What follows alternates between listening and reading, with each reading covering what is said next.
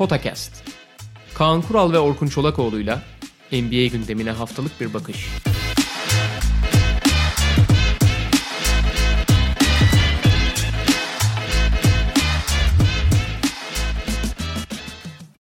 Merhaba, Podcast'e hoş geldiniz. Kaan Kural'la birlikteyiz. Geçen hafta e, 2003 ve 2004 draftlarına bugünden bakmıştık. Geriye dönerek bakmıştık. E, aslında 2005'i de geçen hafta yapmak gibi bir planımız vardı. E, en azından kayda başlarken ama sonra süreyi hayli aştığımızı gördük ve doğaçlama bir şekilde bundan vazgeçtik. Bu haftaya bırakmıştık 2005'i de. 2005 ve 2006'yı da birlikte işleyeceğiz. Şey, 2005 ile başlayacağız tabii. Ve 2005'te aslında fena olmayan, enteresan bir draft. Özellikle üst sıralarda e, çok önemli oyuncular var. İlk iki sıranın ardından gelen oyuncularla kıyaslaması seneler boyunca sürdü. Yani orada Milwaukee'nin ve Atlanta'nın bir hata yapıp yapmadığı. Bunların hepsini zaten değerlendireceğiz. Başlarken söylemek istediğim bir şey var mı Kaan abi yoksa birden e, direkt girişi yapalım mı?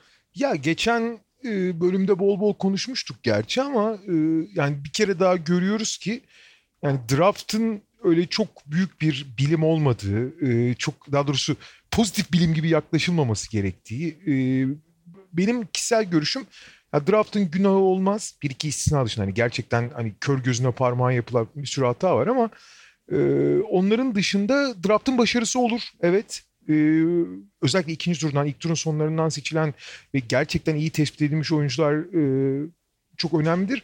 Ama e, büyük oranda da e, bunlar da bunların içinde de büyük şans olduğunu yani bu başarıların içinde de büyük şans olduğunu da göz ardı etmemek lazım. Ha mesela atıyorum Oklahoma City gibi ağır arda e, diğerlerinden ya da genel görüşün dışındaki yerlerden oyuncu seçip başarılı olursan o hani tebrik edilecek bir şeydir. Ama onun dışında e, atıyorum 27. sıradan çok önemli bir oyuncu seçtiler. Mesela Pascal Siakam gibi. Abi hani e, dünyada e, şey e, bir tek sen gördün sen yakaladın değil. Şey var mesela Draymond Green'in falan filan seçimi de hani çok başarılı seçim olarak gözüküyor. Abi daha önce de seçebilirdin yani o kadar iyi olduğunu düşünüyorsan diğerlerini seçmeyeceğinin ne garantisi var? O yüzden e, draft biraz ilginç bir bilim. Evet başarısı var. Evet özellikle işte Oklahoma City hatta şimdi göreceğiz mesela bu draftta da göreceğiz.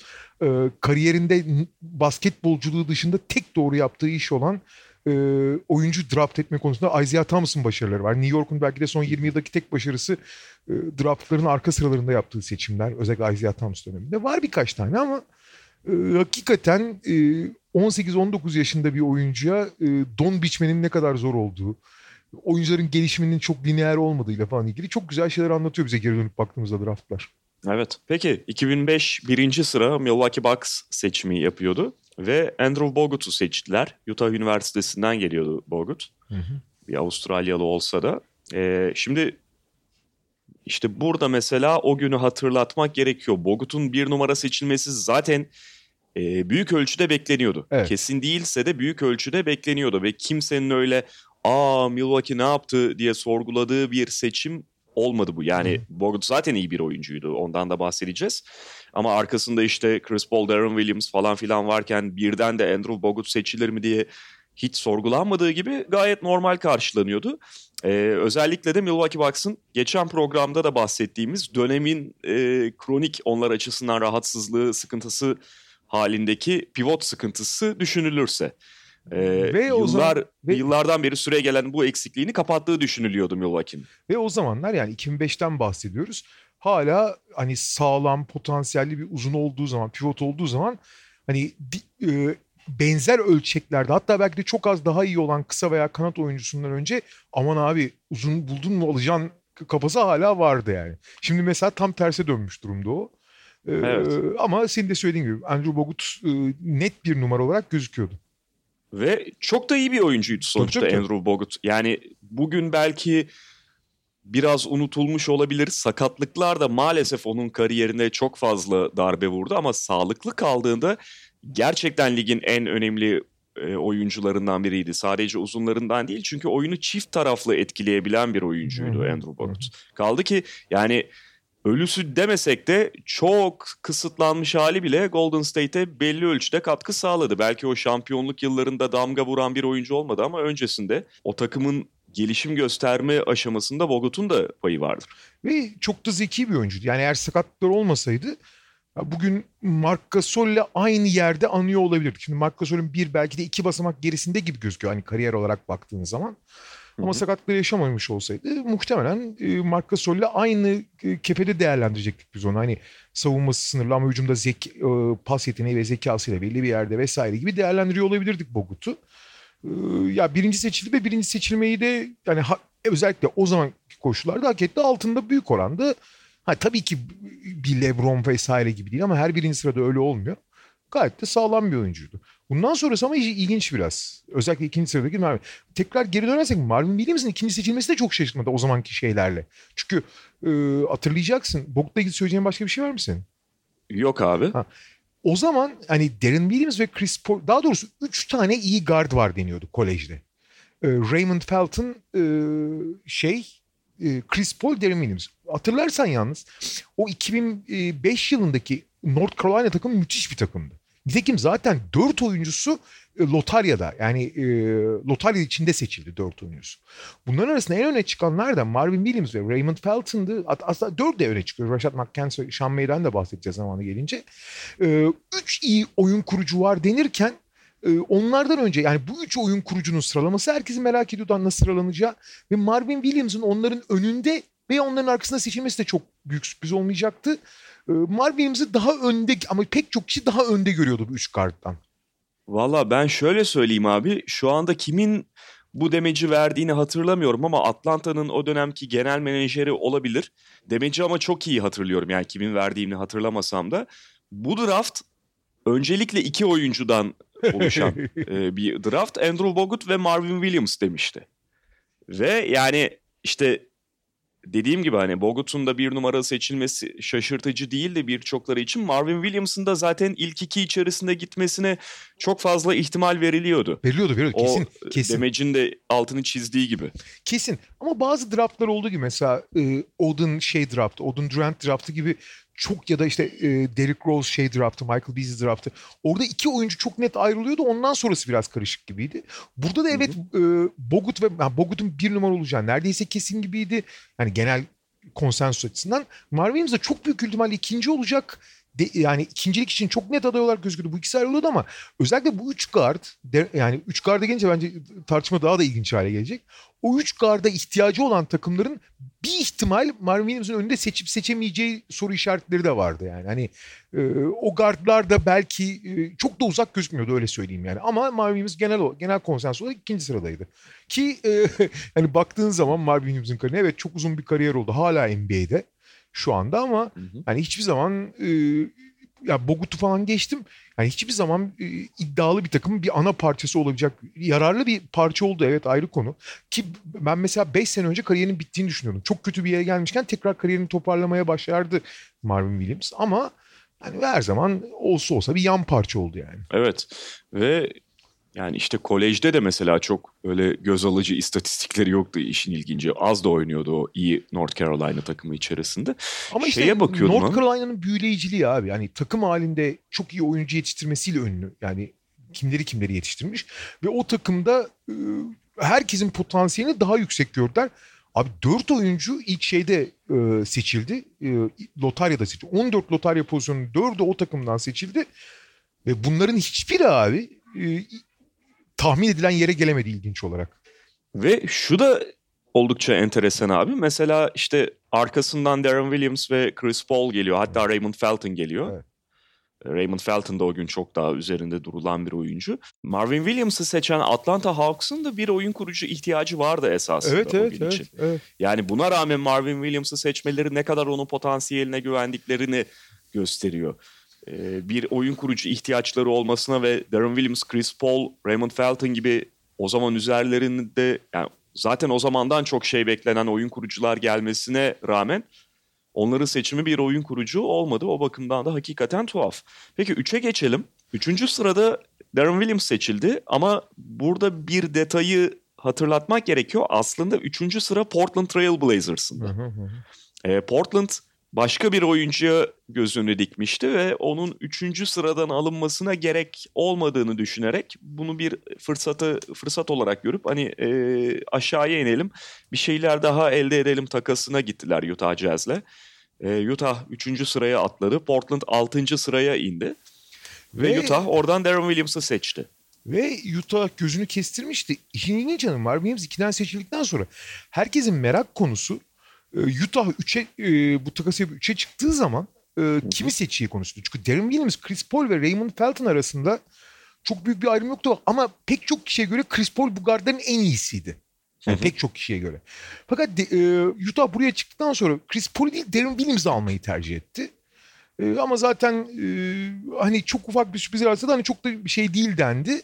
Ee, ama baktığımız zaman bu draftın zaten en iyi iki oyuncusunun Darren Williams ve Chris Paul 3 ve 4. sırada seçilen iki oyuncu olduğu kesin. Tabii ki Darren Williams'ın kariyeri e, özellikle lockout sezonuna kadar müthiş giderken Chris Paul de çok kafa kafaya giderken 2011'e kadar. Yani 2005 yani ilk 6 sezonlarına baktığın zaman Darren Williams ve Chris Paul çok paralel oyunculardı. Yani hani çok çok daha iyi diyemezsin hiçbiri için. Yani aralarında farkı çok göremezsin. Bence ikisi de şeydi. Ama Türkiye'ye geldikten sonra ne olduysa Derin Williams abi. Ondan sonra tabii sakatlar, ayak bileklikleri sakatları falan da var ama yani e, Chris Paul kariyerine her gün bir adım, her sene bir basamak koyarken Derin Williams hatta ilk zamanlar belki daha iyi bile diyebilirsin Derin Williams daha fizikli olduğu için ama kariyeri ilerledikçe Chris Paul tabii e, NBA tarihine geçecek bir garda olurken Derin Williams'ın kariyeri yani 6. sezonundan sonra söndü gitti ama yani bu draftın en başarılı iki seçiminin de bu ikisinin arka arkaya olduğu e, seçim olduğu kesin. Kesinlikle. Bir de tabii Chris Paul çok daha hani e, psikopatlık seviyesinde senin de söylediğin gibi iş ahlakı falan olan bir oyuncu. Yani Michael Jordan e, noktasında neredeyse onun basketbola işine yaklaşımı. Darren Williams hiçbir zaman o seviyede bir e, yaklaşım içerisinde olmadı. Yeah. Ve mesela sakatlık, senin de bahsettiğin sakatlıklar kariyerinin aşağıya gitmesinde çok önemli etkense de sonuçta Chris Paul da çok fazla sakatlık yaşadı ama o çok farklı bir dirençle o sakatlıklardan döndü ve e, kendini buna göre hazırladı. Darren Williams biraz daha erken saldı açıkçası. Ve e, draftların herhalde son 20 yıl yani biz işte son 17 yıla bakıyoruz da en hani hem başarısız hem aynı zamanda şanssız takımı Charlotte'ın ilk yani bizim gördüğümüz en önemli şanssızlıklarından biri daha. Ama adamlar 5. seçiyorlar ki biliyorsun e, bu drafta girerken şeydi e, ikinci sezonları yanılmıyorsam bu. Bu draftta ilk şeyde seçemiyorlardı. İlk ikide seçemiyorlardı. Arkaya atılmaları göre. O yüzden beşinci sırada seçilmişlerdi. Ee, bu üç guardtan kala kala yani üçünden herhangi biri kalacaktı. Kala kala Raymond Felton kaldı ve hani Darren Williams ve Chris Paul'le bırak kıyaslanmayı aynı cümle içinde geçiremezsin normal şartta. O zamanlar geçiyordu aynı cümle içinde. Sonra ikinci se yani ilk sezonun sonunda aynı cümle içinde geçmemesi gerektiğini herkes anlamıştı yani. E, evet tabii o zaman için hani senin de söylediğin gibi aynı cümle içerisinde geçiyordu. Her ne kadar Darren Williams ve Chris Paul biraz daha önde gözükse de bir de North Carolina'dan geldiği için Charlotte için ekstra bir e, cazibesi de vardı Raymond Felton'ın. Ama Charlotte'ın zaten senelerdir en büyük şanssızlığı hep böyle çok kritik noktalarda, draftlarda arkada kalması. Yani Aynen. işte bir sene önce geçen programda söylediğimiz Dwight Howard, Emeka Okafor arasında önlerinden Dwight Howard seçiliyor ve onlara kalan Emeka Okafor oluyor. İşte burada Darren Williams ve Chris Paul seçiliyor. Onlar Raymond Felton'la devam ediyor. Seneler sonra 2012 e, draftında ikiye kalıyorlar. Bir numara Anthony Davis, iki numarada onlar Michael Kidd Gilchrist'i seçiyor gibi gibi. Hep böyle şanssızlıkları olmuştur evet. Charlotte'ın. Ee, ya bu arada kendi başarısızlıkları var onları da göreceğiz zaman içinde yani. Tabii mesela birazdan geliyoruz. Evet. Bir tanesine. Ee, şey Raymond Felton da yani evet o gün için çok daha farklı şeyler beklenen bir oyuncuydu. İşte çok hızlı vesaire ama yani, e, belli noktalarda iyi bir kariyeri oldu ama hiçbir zaman böyle star diyebileceğim bir oyuncu olmadı ve zaten o da mesela lockout döneminden sonra çok serdi. E, kariyerinin ikinci bölümünde zaten bir yedek olarak sürdü Raymond Felton'ı. Bundan sonra e, lotaryanın bitişine kadar gerçekten ilginç seçim var. Bir iki tane hani fena değil ya da o zamanki koşullarla seçilip de belli bir kariyer yapmış isimler varken bir iki tane inanılmaz kötü, saçma ve başarısız kumar. Bir tane de çok ilginç bir oyuncu var. Belki de bu draftın en büyük başarılarından biri ama çok kısa vadeli bir başarı o. Öncelikle şeyi söyleyelim. Bundan sonraki 3 seçim yani Pelton'dan sonraki başarılı veya başarısız diyemezsin. O zamanki koşullarda alındıkları yerde alındılar takımlarına belli seviyelerde katkı yaptılar. Belki takımı yukarı taşıyamadılar ama yani işte Portland'ın Martel Webster seçimi ki hatta Martel Webster'ı başarılı bile diyebilirsin. Çünkü gerçekten o aşil sakatlığına kadar e, iyi bir parçaydı yani. Zaten şu anda hala kariyeri devam ediyor ama aşil sakatlığına kadar iyi bir parçaydı. Keza Charlie Villanueva e, iyi girdikten sonra o seviyeyi koruyamadı ama her zaman bir parça oldu. Channing Frye da 13 sene boyunca yan parçalık bir, bir takım parçalığı haline getirmeyi başardı. Hı hı. Hatta ve hatta yani kariyerine iyi başladıktan sonra çok hızlı düşse de Ike Diago'yu bile diyebilirsin. Yani bu dört seçimin arasında ben hani çok da büyük şey görmüyorum. Başarı veya başarısızlık görmüyorum. Buralarda işte lotaryanın e, lotaryanın ortalarında takıma katkı verecek oyuncuları almış almayı başardılar. Bunlarla ilgili Nisan sessiz olur musun? Şu kapıyı da kapat. Eskiden şeye karışıyordu şimdi içeriden bağırıyor abi. Martel Webster. Yani bunlarla ilgili söyleyeceğim bir şey yoksa bence bu e, Lotar'ın en ilginç seçim. Belki de bu draftın en ilginç seçimi 10 numarada. Tek bir şey Martel Webster'la ilgili Marvin Williams'a benzer şekilde Portland'ın da o gün yani üç, dediğimiz gibi 3. sıranın sahibiydi Portland. Oyun kurucuları es geçip Martel Webster'a gitmesi enteresandı. Çünkü yani baktığında kadrosuna aslında bir oyun kurucuyu pekala çok ona yer verebilir, kullanabilirlerdi. Aksine 3 numarada falan da oyuncuları vardı ama Martel Webster da liseden geliyordu bu arada. Onlar onu tercih etti. Potansiyeline çok güvenerek. Ee, ama şey diğerleriyle ilgili söyleyeceğim bir şey yok. Ve Andrew Bynum'a geliyoruz sanırım. Evet. Herhalde e, ya bir iki tane daha isim var ama bu draftın en büyük başarısı ve en büyük başarısızlığı olsa gerek Andrew Bynum bence. Yani hani nasıl değerlendirdiğine bağlı. Ya bence net başarı. Çünkü ondan sonrası drafttan bağımsız doğru, biraz doğru, Bynum'un doğru. oyunculuğuyla ilgili. Doğru, doğru. Haklısın. Yani draftın en büyük başarısı ki Lakers zaten e, son birkaç seneye kadar ki son birkaç senede biraz kutuplaştırıcı seçimleri vardı ama draftın başarılı takımlarından biri ve Bynum da belki de en büyük başarı. Bu draftın bence en büyük başarısı. Yani Derin Williams'da Chris Paul'u 3'te 4'te seçmenin e, pek bir şey yok yani. yani. Oralarda seçersin. Fakat bu kadar oyuncu bak hele ki uzunlar halen değerliyken e, uzunların hala çok değerli görüldüğü bir yerde e, inanılmaz bir şey. Çünkü 5 numara e, bu draftta ikinci seçilen 5 numara Andrew Bynum. Ve bir sonraki seçime baktığın zaman daha net göreceksin bunu yani. Hani daha net göreceğiz bunu. Andrew Bynum'u liseden gelirken seçiyor Lakers.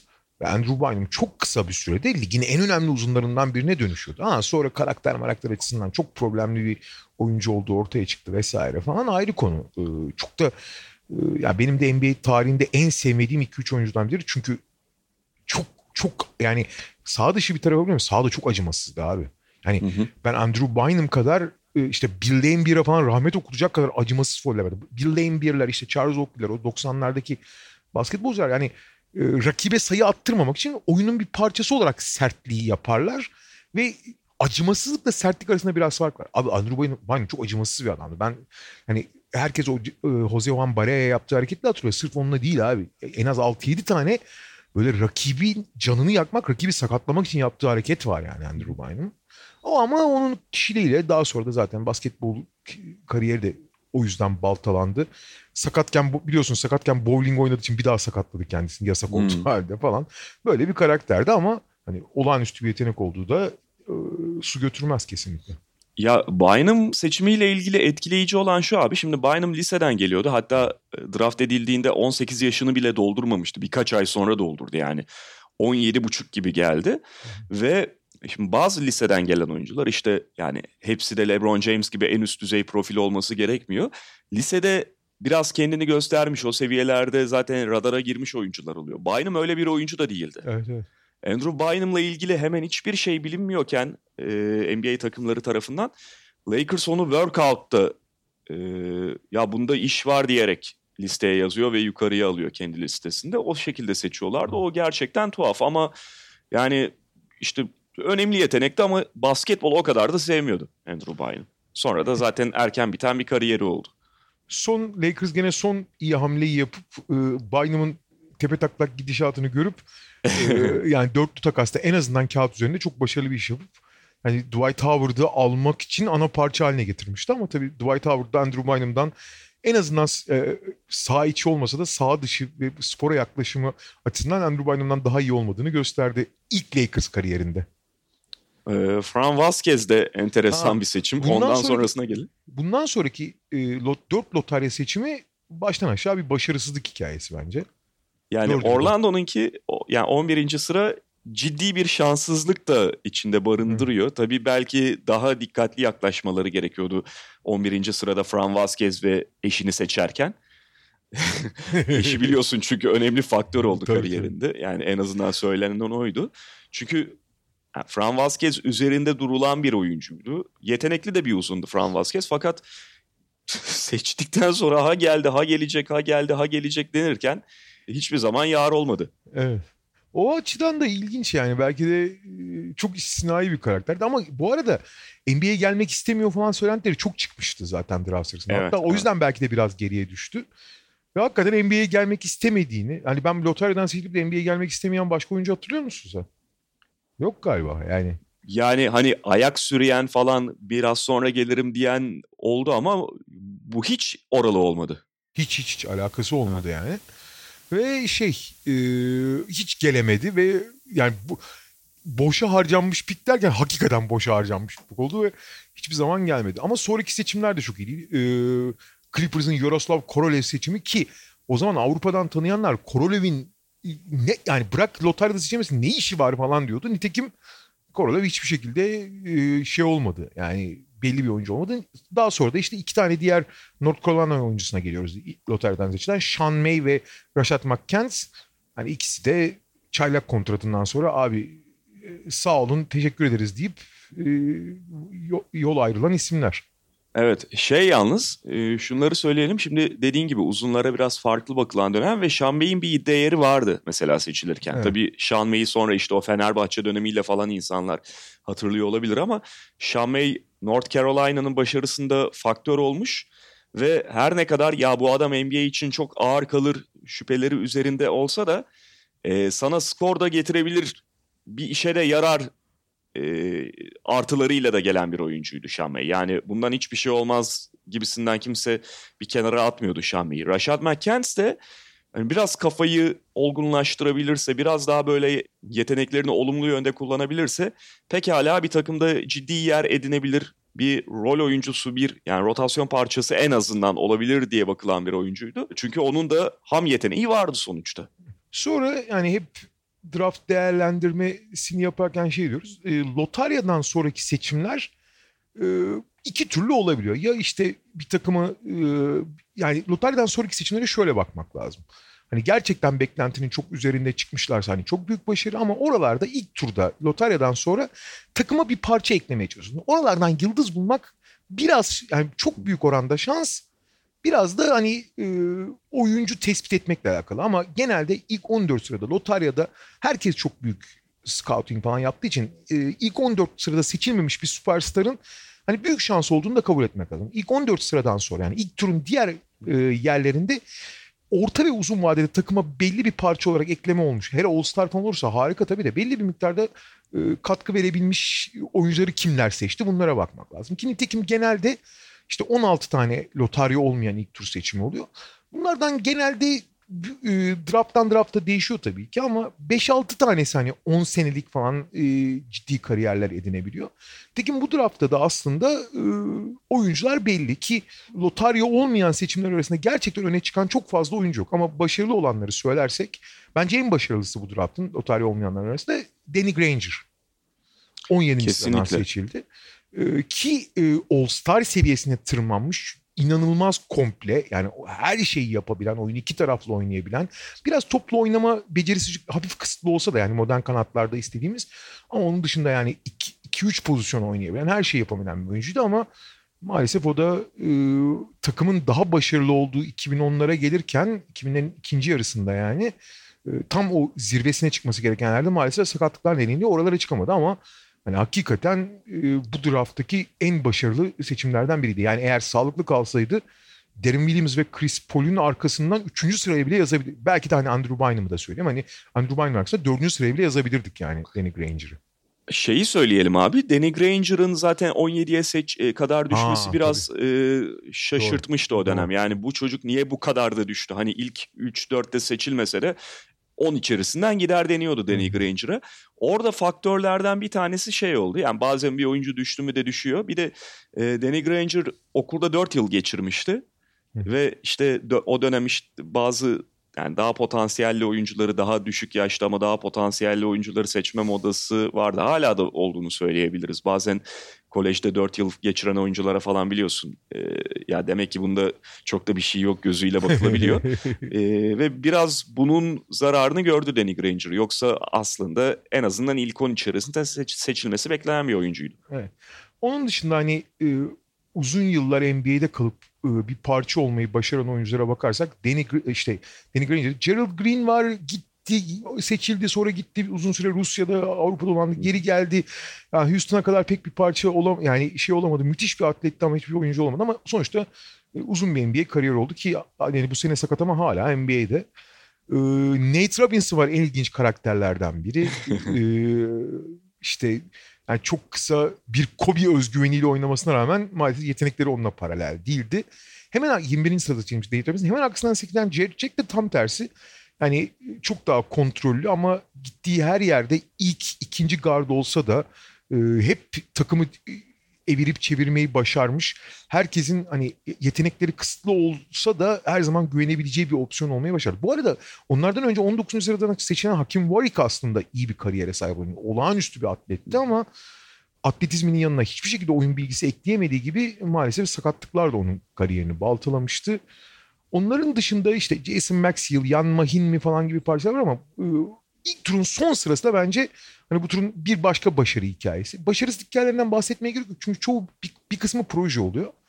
Ama ilk turdaki bir son başarı hikayesi de işte gene e, Isaiah Thomas'ın draft başarılarından biri bu. E, İlk turun son sırasında New York Knicks David Lee'yi seçti. Hı hı. Ve Ki- senin söylediğin gibi Isaiah Thomas hani her şeyi berbat etse de Isaiah Thomas ve New York Knicks o dönemde ciddi draft başarılarına imza Aynen attı o. Aynen. David Lee de onlardan biri abi. David Lee Hı hı. gerçekten e, All-Star seviyesine çıkmış. Çok önemli e, hem şut atabilen hem e, müthiş reboundçu. Çok çok değerli bir oyuncu olarak çok uzun ve çok başarılı bir kariyere sahip oldu ki onun kariyerinin sonunda da belki sakatlıklar nedeniyle yani eski potansiyelini gösteremediğini görüyoruz ama All-Star seviyesine çıktı abi. 30. sıradan All-Star seviyesine çıkmak daha ne olsun yani. Evet evet. Gayet de iyi bir kariyeri oldu yani Aynen. David Lee'nin. Aynen. Sonrasına baktığımda İkinci turla ilgili olarak çok kısa şey söyleyeyim. İkinci turla ilgili olarak da burası tamamen kumar oluyor. Ve bu kumardan bunu herkes için kabul etmek lazım abi. Yani eğer gerçekten üst düzey bir oyuncu olsak niye ilk turda seçmedin diyorsun. Yani mesela çoğu zaman bakarsın ikinci turdan acayip oyuncular seçilmiş. Ona ilk turda seçtiği oyuncuya bak. Niye ilk turdan almıyorsun o zaman? İkinci turda seçmenin çok büyük riskleri var. Başkası da seçebilir çünkü. Ee, ama ikinci turdan e, ilginç şeyler çıkıyor. Bu, bu draft e, ortalama üstü bir draft olsa da lotarya sonrası seçimler için çok işe yarar. Fakat ikinci tur oldukça başarılı bir draft bu draftın.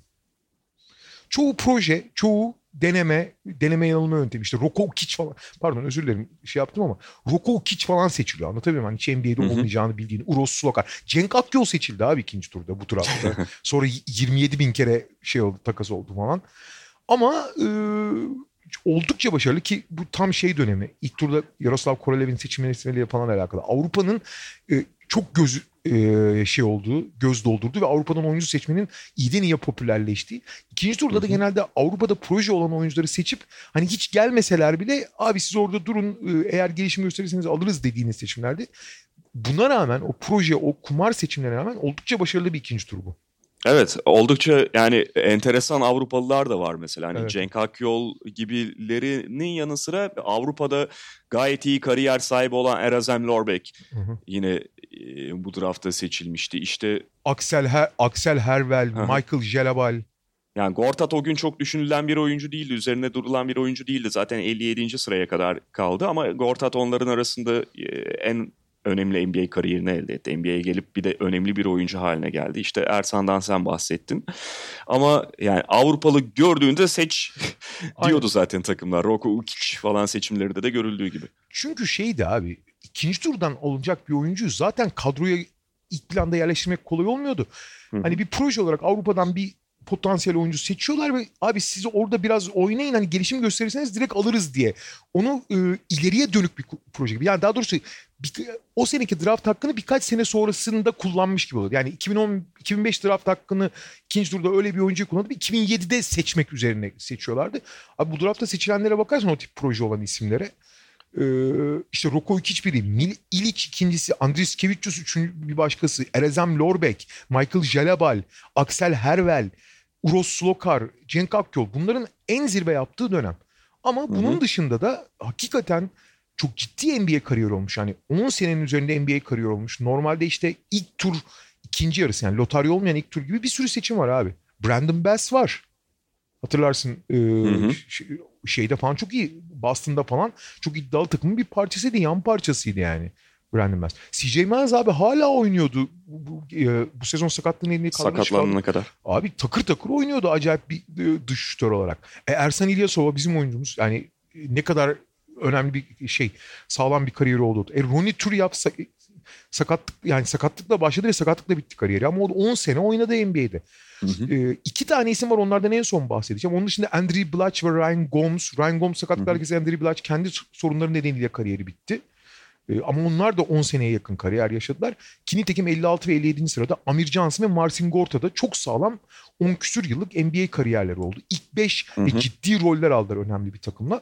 Bunlar bile zaten yeterince başarıyken iki tane hakikaten NBA'de beklenenin de çok üzerinde katkı veren ikinci turdan seçilmiş.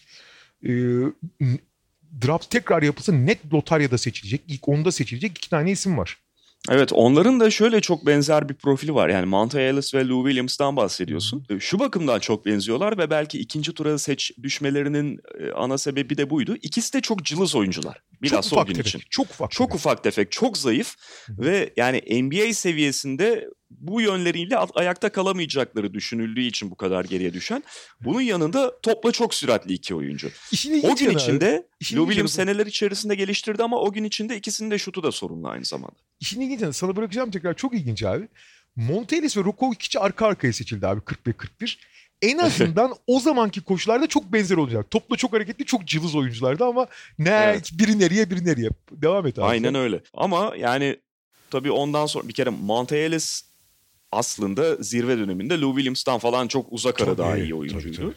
Ha yani zararlı alışkanlıkları vardı. Sana hücumda kattığı kadar savunmada da götürüyordu belki ayrı konu ama müthiş bir hücum silahıydı Monte Ellis.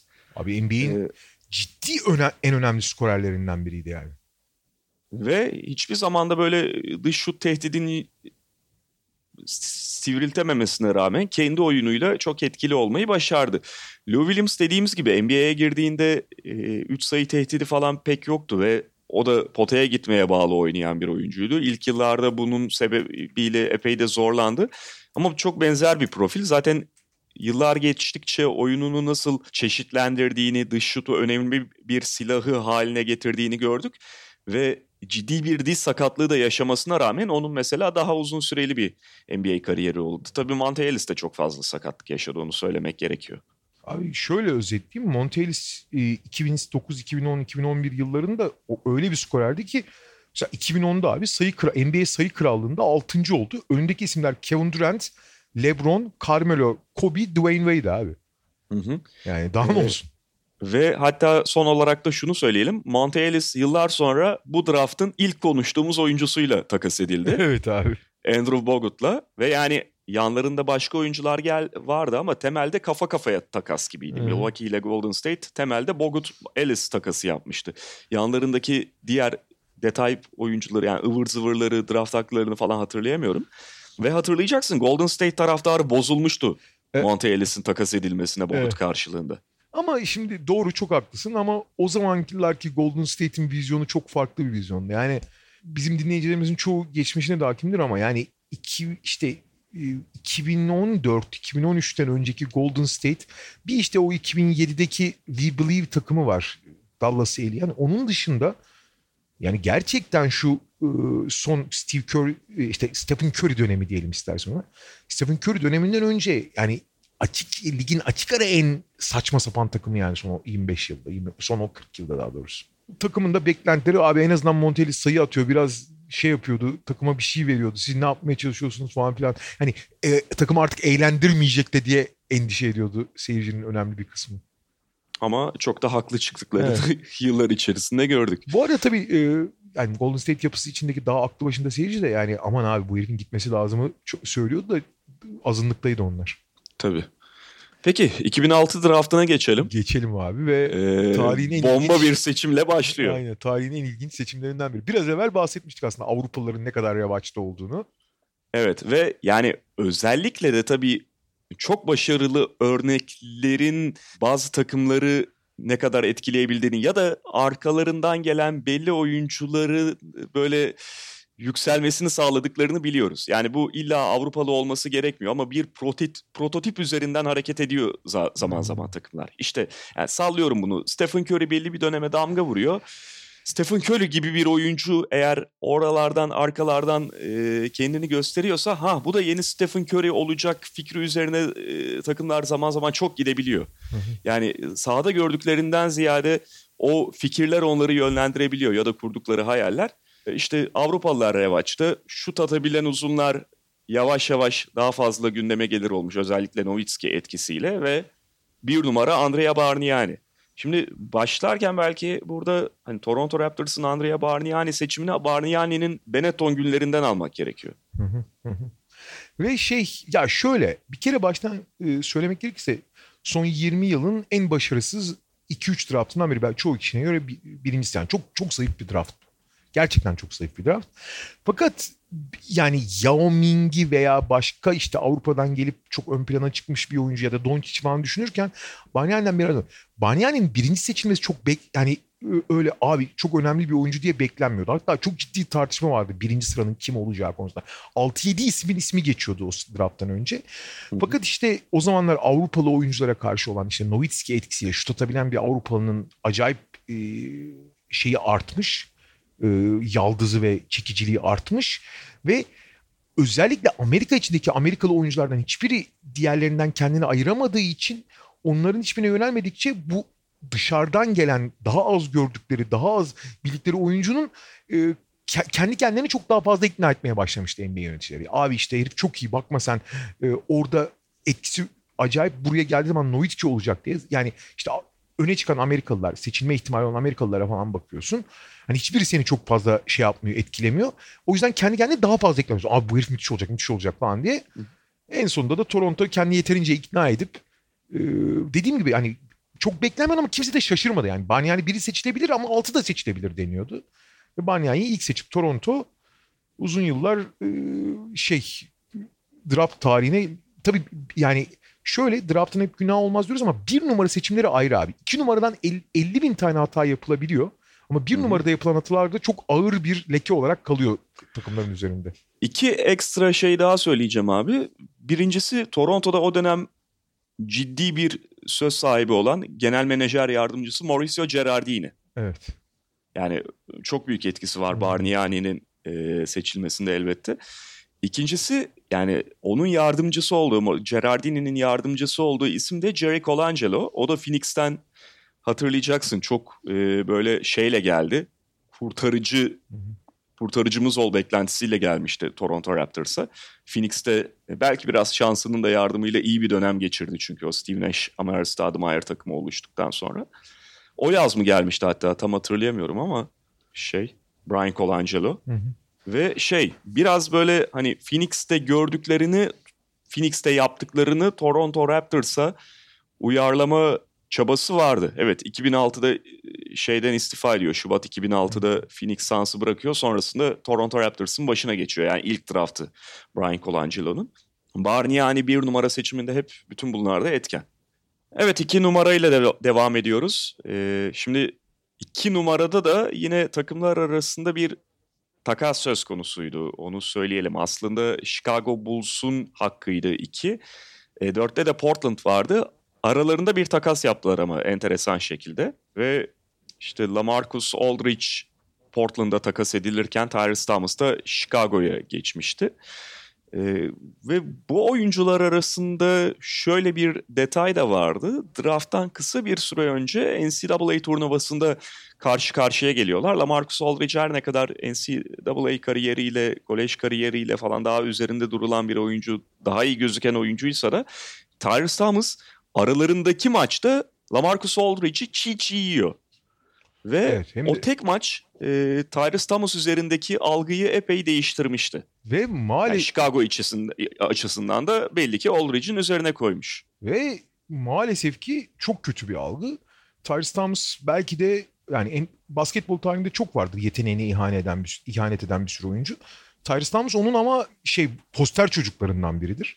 Hatırlayacaksın abi. Smaç yarışmasında çağırdılar ya ben hafta sonu tatil yapacağım ne gideceğim NBA All-Star'a falan filan deyip daha sonra da e, bunu bir biraz daha geliştirip çaylak kontratı bittikten sonra ya ben arkadaşlarla takılacağım ne gideceğim idmana diyerek yani basketbol oynamayı en sevmeyen en basketbol alakası olan sporcu karakterin en uzak oyunculardan biri olduğunu gösterdi. Zaten hani olağanüstü bir fiziğe ve olağanüstü bir atletizme sahipti ama bunu geliştirecek yani teknik olarak gelişecek hiçbir motivasyonu göstermediği gibi yani biraz atletik yetenekleri hafif törpülendikten sonra bu iş ahlakı eksikliği de gelip e, yani küçük küçük çok ilginç e, patlayıcılıklar, çok acayip performanslar gösterse dağılıp gitti.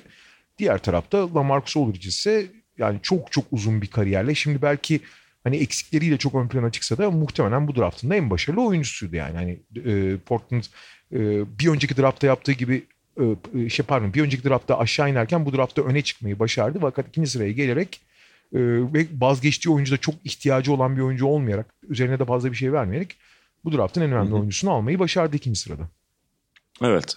Bu draft yani... bu arada bu draftın ne kadar zayıf olduğunu da buradan anlayabilirsiniz. Yani Lamarcus Aldridge evet kariyerin özellikle ilk yarısı çok başarılıydı. Hani e, söyle bir şey söylemeye gerek yok ama bu draftta e, tartışmasız bir numara olacaktır ve birazdan sayacağız zaten ne kadar az sayıda üst düzey oyuncu çıkardığına bakarsak o yüzden zaten son 20 yılın en başarısız 2-3 draftından biri. 2001'i saymıyorum. 2001 hani bizim değerlendirdiğimiz draftlar arasında muhtemelen en başarısız bu olacak. Valla işte draftın zayıflığını zaten 3, 5, 7, 9 gibi seçimler, evet. sıralardan seçimler şimdi ortaya koyacak. Ee, gerçi 3. sırada seçilen Adam Morrison için o gün konuşulanlar biraz farklıydı. Yani e, onu da söylemek gerekiyor. Çünkü Adam Morrison o kolej kahramanlarından biri olarak NBA'ye geldi. Charlotte'ın kolej kahramanı saplantısının bir başka halkası. Evet.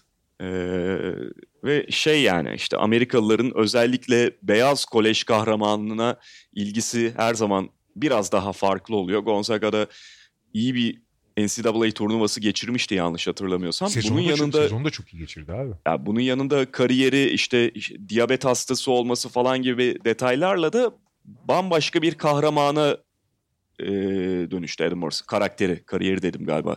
Karakteri bu işte şey e, kültürel arka planı ve e, diyabet hastası olması vesaire vesaire enteresan imajı. Bütün bunlar Adam Morrison'ı böyle kült bir oyuncuya dönüştürdü daha o günden. Bunlar e, olduğundan iyi gösterdi mi, olduğundan farklı olma, e, algılanmasına yol açtı mı? Muhtemelen evet.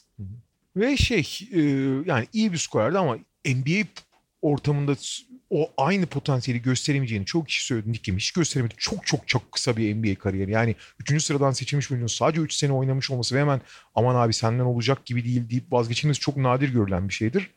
Sonra vazgeçildi. Sonra Avrupa'da, Çin'de dolaştı. Beşiktaş'a da yolu düştü arada. Hı hı. Ee, ve maalesef çok başarısız bir kariyeri oldu.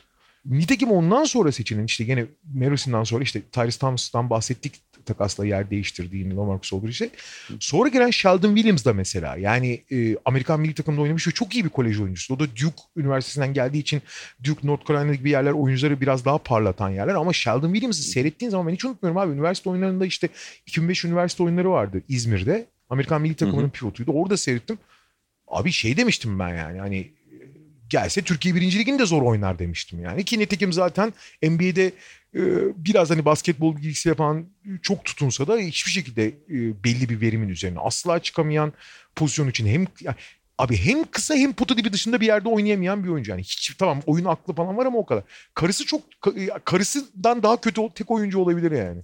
Evet zamanında Reggie Miller için biraz abartılı evet. şekilde kız kardeşinden daha kötü oyuncu olan tek NBA oyuncusu diyorlardı. Sheldon Williams muhtemelen onu gerçeğe döktü. Yani eşiyle birlikte çünkü şey. Eşi de Candice Parker. Candice Parker yani WNBA WNBA demeyelim kadın basketbol süperstarı. Aynen. Sheldon Williams ise senin de ifade ettiğin gibi çok sınırlı bir oyuncuydu. Zaten savruldu gitti NBA kariyerine. Savruldu derken oradan oraya çok takımda denendi. Ama kimse de öyle ciddi anlamda verim alamadı Sheldon Williams'ta. Ve bu draftın evet en başarılı oyuncusu Lamarcus Aldridge ama bu draftın en müthiş oyuncusuna sıra geliyor. En yetenekli oyuncusuna ve biraz da tabii ki şanslı oyuncusuna. Evet Brandon Roy. Yani ciddi anlamda tabii çok büyük şanssızlık. Şimdi Brandon Roy'dan bahsederken de aslında LaMarcus Aldridge ile birlikte bahsetmek doğru, gerekiyor doğru. belki. Yani e, işte Portland'ın yine çok önemli bir başarısı çünkü. Ee, onu da takasla Portland o gün kadrosuna katmıştı ve Brandon Roy gelirken biraz böyle e, şey gibi demin Danny Granger'dan bahsettik ya. Hı. Brandon Roy da 22 yaşında drafta giren bir oyuncuydu. Yani tamam iyi oyuncu da hani bundan sonra daha ne kadar daha iyi olacak ki bu adam diye bakılıyordu. İkincisi daha kolejdeyken onun dizinde problemler vardı. Ve e, hakkındaki soru işaretlerinin haklı olanları oydu zaten. Ve abi şeydi söyle adını atlet değildi Brandon Ingram. Ve o zamanlar işte genç oyuncu mesela Tyrese Thomas'ın iki numaraya seçilmesi de onunla alakalı. Babacım ya işte o zamanki saplantı ve o zamanki e, işte at gözüyle bakış ya böyle işte yüksek teknikli müthiş şütör Avrupalı olacaksın. En e, seksi oyuncular onlar ya da muazzam Hı-hı. atlet olacaksın. Abi NBA'de yeterince atlet değilsen seni yerler diyorsun. Bu arada tabii niye Adam Morrison arada seçiliyor ayrı konu da. Ee, işte Tyrese Thomas maçında Brandon Roy'un özelliği hani yüksek tekniğe sahip oyun bilgisi şey fizi, fizikli ama çok yavaş ve işte dizi de problemli deniyordu. O yüzden de ama tamam çok iyi oyuncu olsa da e, kimse o kadar bakmıyordu. Hatta Brandon Roy'un 6. sırada seçilmesine biraz şey denmişti. Washington Üniversitesi mezunu olduğu için abi hı hı. kendi bölgelerindeki oyuncuyu seçtiler falan diye hani biraz da bu hafif de olsa burun kıvrılmıştı o sırada seçildiği zaman. Evet yani klasik şey hani 4 yıllık kolej oyuncusu oyun aklıyla zaten belli bir yere kadar kolejde iyi kariyer elde etti ama NBA'de oyun aklı sana yetmeyecek ya abi bu atletizmle senin de söylediğin o hani sınırlı şeylerle artı diz konusunda soru işaretleri de varken nereye kadar gidebileceksin diye bakılıyordu. Nereye kadar gittiğini Brandon gördük abi. Ve gittiğini gördük. Aynen. Ne kadar kısa olsa da o yol maalesef. Ma çok kısa olsa da yani süperstar kapısını tıklatmaya gelmişti. Yani All Star net oldu sürükleyici ve hani büyük maçların büyük oyuncusu olabilecek kadar. Yani sadece sürükleyici bir oyuncu olmayı bırak.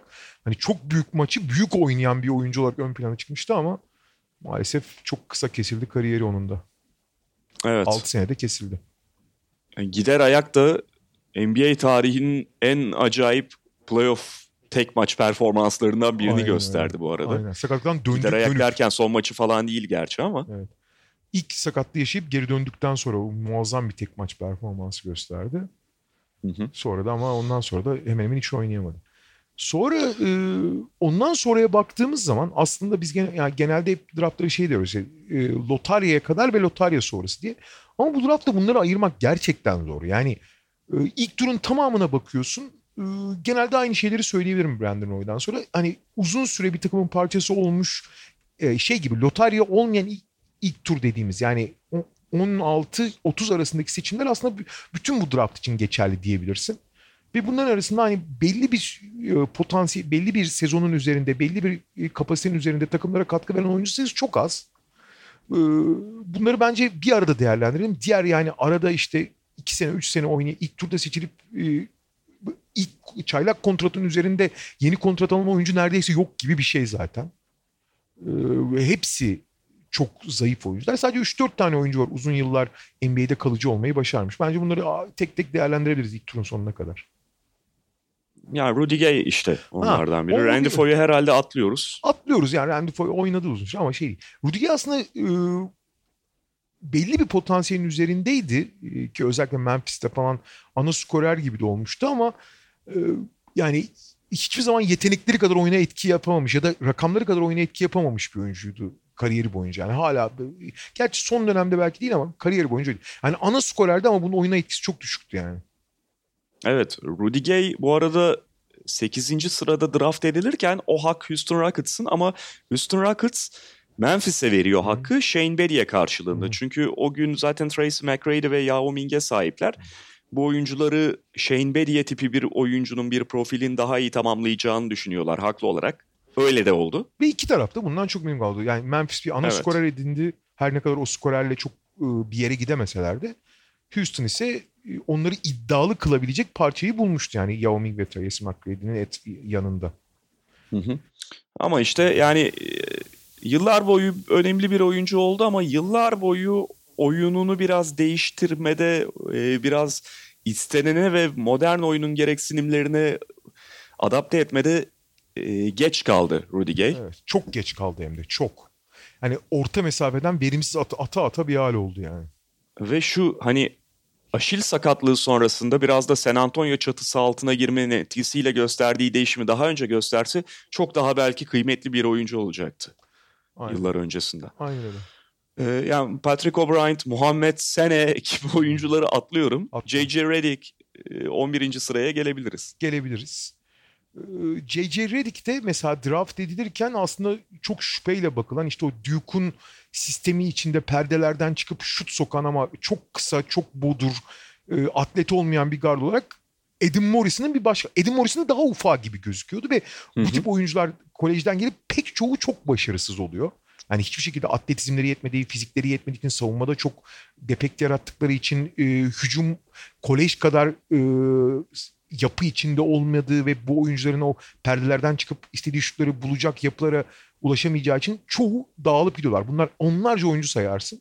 Ama J.J. Redick bunların arasında azınlıkta olan çok başarılı olmuş bir örneği.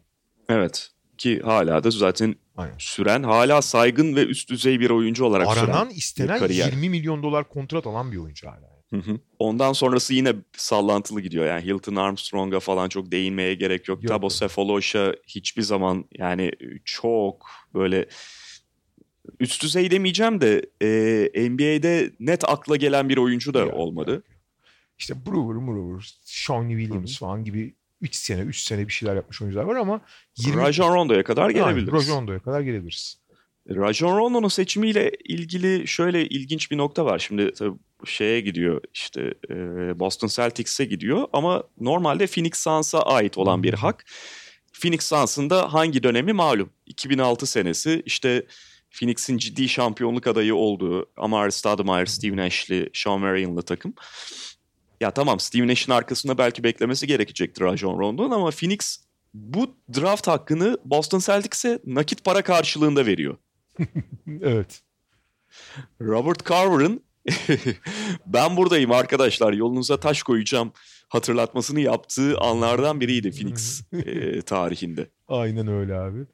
Yani e, her şey bir tarafa en azından insan şey yapar ya. Yani o draft hakkını verip işte iki sene sonraki bir ilk tur draft hakkını falan alır yani. Yani böyle büyük bir zırvalık olmaz. Yani onun Rajondo'ya dönüşmesi ayrı bir tartışma konusu. Ama o draft hakkını para karşılığı verilir misin abi? Yani Robert Sorver'ın en büyük zırvaları yani sayısız zırvasından biri daha.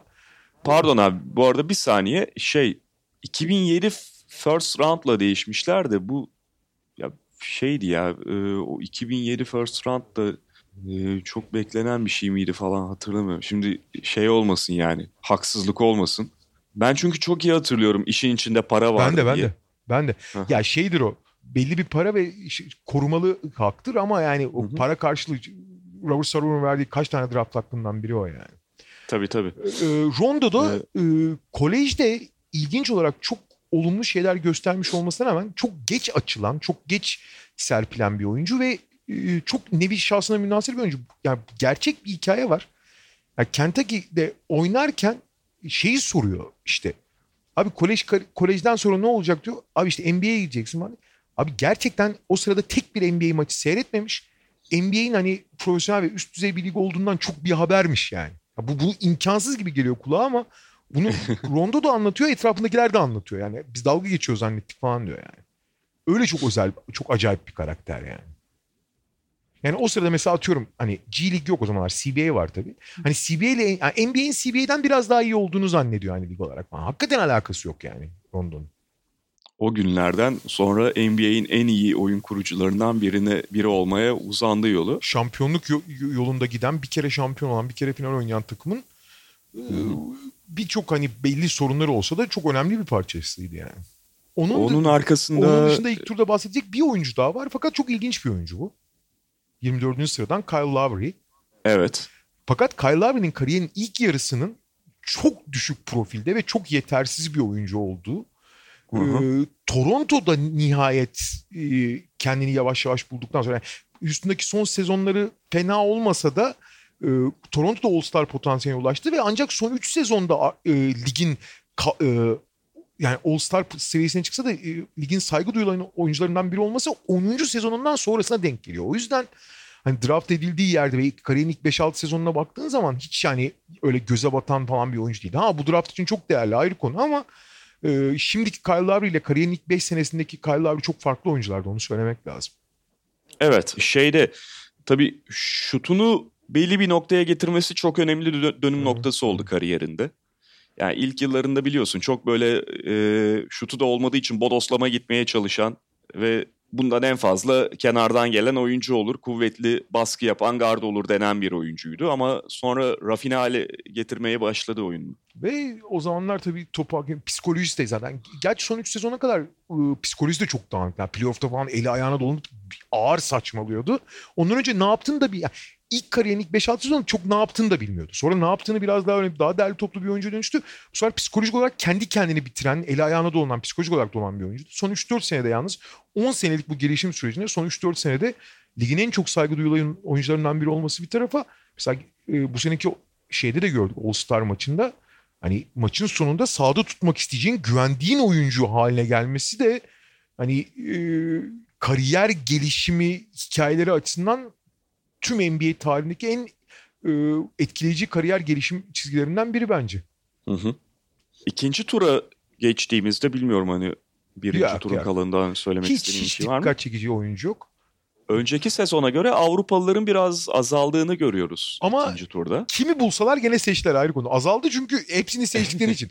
Ama abi Costa Perovic, Lior Eliyahu, Marcus Vinicius, e, Vladimir Veremenko, Çek Samb, e, Yotam Halperin, e, Edin Bavcic falan gibi. Rapčić. Abi Damir Marko da Damir Marko da önceki sene İstanbul Büyükşehir Belediye'ye geldiğinde İstanbul Büyükşehir'in en kötü oyuncusuydu abi. Yani bu oyunculara falan yatırım yapmaya kalkıştı yani NBA. Yani buldukları her Avrupalı oyuncuya yatırım yapıyor. Bunların çoğu NBA'ye hiç gitmedi bile zaten. Abi zaten Lior Eliyahu'nun falan ne işi var abi NBA'de? Ee, Amerikalı oyuncular açısından da baktığımızda yani çok böyle çok çok parlak isimler yok ama arada arada işe yarayan oyuncular var. Şimdi 35'te PJ Tucker var Hı hı. ama NBA'de e, kalıcı hale gelmesi çok vakit aldı. Yani Çok. 35'te seçildiğinde Toronto Raptors'ta e, seçildikten sonra çok savruldu başka yerlere, Abi- dünyanın çeşitli yerlerine. Ukrayna liginde dikkat çekmeyen bir oyuncuydu abi sonuç iti şeyde drafttan sonra Ukrayna lig Ukrayna'ya gitti, şeye gitti, Sırbistan'a gitti en son. Ha, Ukrayna liginde dikkat çekmeyen bir oyuncuydu yani. yani boş versene o draftı. İşte İsrail, Yunanistan yani İsrail Yunanistan'ın da daha böyle orta ölçek Tabii, tabii, takımlarında e, bir ara Porto Rico Hı hı. e, orada burada derken ondan sonra ikinci bölümünde kariyerinin yavaş yavaş NBA'de basamakları tırmanmaya başladı. Burada yani işte Leon Pau, Ryan Hollins gibi belli kariyeri olmuş oyuncular var ama bu ikinci turda abi PJ Tucker'ın durumu çok özel. Onu bir kenara bıraktık. Anlattık zaten. Bir tane yani hiçbir şekilde NBA'de e, aktör olabilmiş çok oyuncu yok. Ama bir tane acayip. Ha pardon şey iki, e, 32. sırada Steve Novak var. O da en azından şütörlüğüyle belli bir kariyer yakaladı. Hani çok üst düzey olmasa da şey. Ama bir tane oyuncu Bir var. de bir de abi şey senin gel, e, geleceğin oyuncuya gelmeden yani söyleyeceğin oyuncuya gelmeden 49'da Leon Paul o sakatlığı geçirmeseydi biraz daha iyi bir NBA kariyeri Ha. olabilirdi. Çünkü Boston Celtics'te o şampiyonluk takımında falan etkili oyuncuydu Leon Paul. Demin ondan bahsettim. Leon Pau da vardı ama dedim neyse. Ha. e, ama işte bir tane büyük oranda şans biraz da hani e, draft başarısı falan da diyebilirsin. Acayip bir oyuncu var. Hatta bu draft tekrar yapılıyor olsa hani sakatlıkları falan yani muhtemelen 3. sırada seçilirdi herhalde. Bu draft tekrar yapılıyor olsaydı. Tabii e, yani bugün yapılıyor olsaydı bugünkü yetenekleriyle Paul Millsap 47. sıra. İşin ilginci yani bilmiyorum ben mi e, belli noktaları unuttum ama unutuyorsam sen düzelt abi. O gün Paul Millsap'in bugün olduğu oyuncuyla alakası yoktu. Evet hiç alakası Yani yok. tabii ki tabii ki oyuncular geldikten NBA'ye adım attıktan sonra çok gelişim gösteriyorlar. Kimse geldiği oyuncu olduğu şekilde e, kariyerini sürdürmüyor. İşte Kyle Lowry'den biraz önce bahsettik. Ama Paul Millsap tamamen farklı bir profildi Aynen lige öyle. geldiğinde. Aynen öyle. Pota altında boğuşan bir oyuncuydu ama fiziği yetersiz olduğu için e, çok e, başarısız gözüküyordu kolejde falan kendi. Ama yani oyunu iki taraflı oynayan, dışarıdan oynayabilen, oyunu yönlendiren çok lider bir karaktere dönüşmesi çok da hızlı oldu işin ilginç yanı. Yani e, yavaş bir kariyer değil. Çok, gelir gelmez o kolejdeki oyuncu daha ilk senesinin sonlarında falan değişmeye başladı zaten. Hı hı. Ve yani hala NBA'de olan ve hala etkili olan e, benim e, kariyeri boyunca NBA'de en underrated olarak olduğunu düşündüğüm oyunu iki taraflı oyunu bazen çok göz ardı edilen abi Lebron'la falan filan eşleşip hiç fena iş çıkarmayan bir oyuncu yani uzunla da kısayla da eşleşebilen e, haddini bilen takımdaki rolünü bilen gerekirse skorer olan gerekirse tamamlayıcı olabilen şut, içeriden dışarıdan oynayabilen çok komple çok değerli bir kariyere sahip oldu. Hani bu draft yapılsaydı tekrar baştan e, Brandon Roy ve Lamarcus Aldridge ilk ikide giderdi bence. Ama yani Paul Millsap da onlardan çok uzak değil. Brandon Roy'un tabii yani sakatlanmadığı, draft yapılırsa da sakatlanmadığı için konuşuyoruz. Yani potansiyeli için konuşuyoruz. En kötü ihtimal üçüncü seçilirdi bence Paul Millsap. Evet, evet. O dönüşümüyle çok saygıdeğer bir oyuncu. Hı hı. Çok saygıdeğer kariyer yani bambaşka bir oyuncuya sürekli bir şeyler ekledi üzerine. Yani senin söylediğin gibi sürekli göz ardı da edildi. Biraz oyuncu profiliyle alakalı, biraz oynadığı takımlarla alakalı. Utah, Atlanta, Denver. Hiçbir zaman böyle çok ışıltılı yerlerde oynamadı. Ciddi şampiyonluk adayları olmadı bu Oyun- içinde bulunduğu kendi takımlar. kendi oyunu da her ne kadar çok komple olsa da oyunu da ışıltılı değildi takımları olduğu gibi. Takımları kadar kendi oyunu da hiç ışıltılı değildi. Evet, evet. Yani o yüzden de hak ettiğinden hep evet biraz daha az bahsedilen bir oyuncu oldu ama beni en çok etkileyen teknik dönüşümlerden, oyuncu tipi dönüşümlerinden biridir Paul Millsap'inki. Aynen. Yani bir oyuncu ancak bu kadar dönüşür herhalde kariyeri boyunca. Aynen öyle. Ee, atladığımız biri var mı orada? Yok herhalde abi. yok. Yok. Diyoruz ve bu podcast'in de sonuna geliyoruz galiba. Evet, bu podcast'i de böylelikle 2005-2006 ile tamamlamış olduk. Ee, 2007'de bıraktık. Yine NBA tarihinin önemli draftlarından biri. Onu da artık bir sonraki hafta, bir sonraki podcast'te konuşuruz. Tekrar görüşmek üzere diyelim. Hoşçakalın. Hoşçakalın.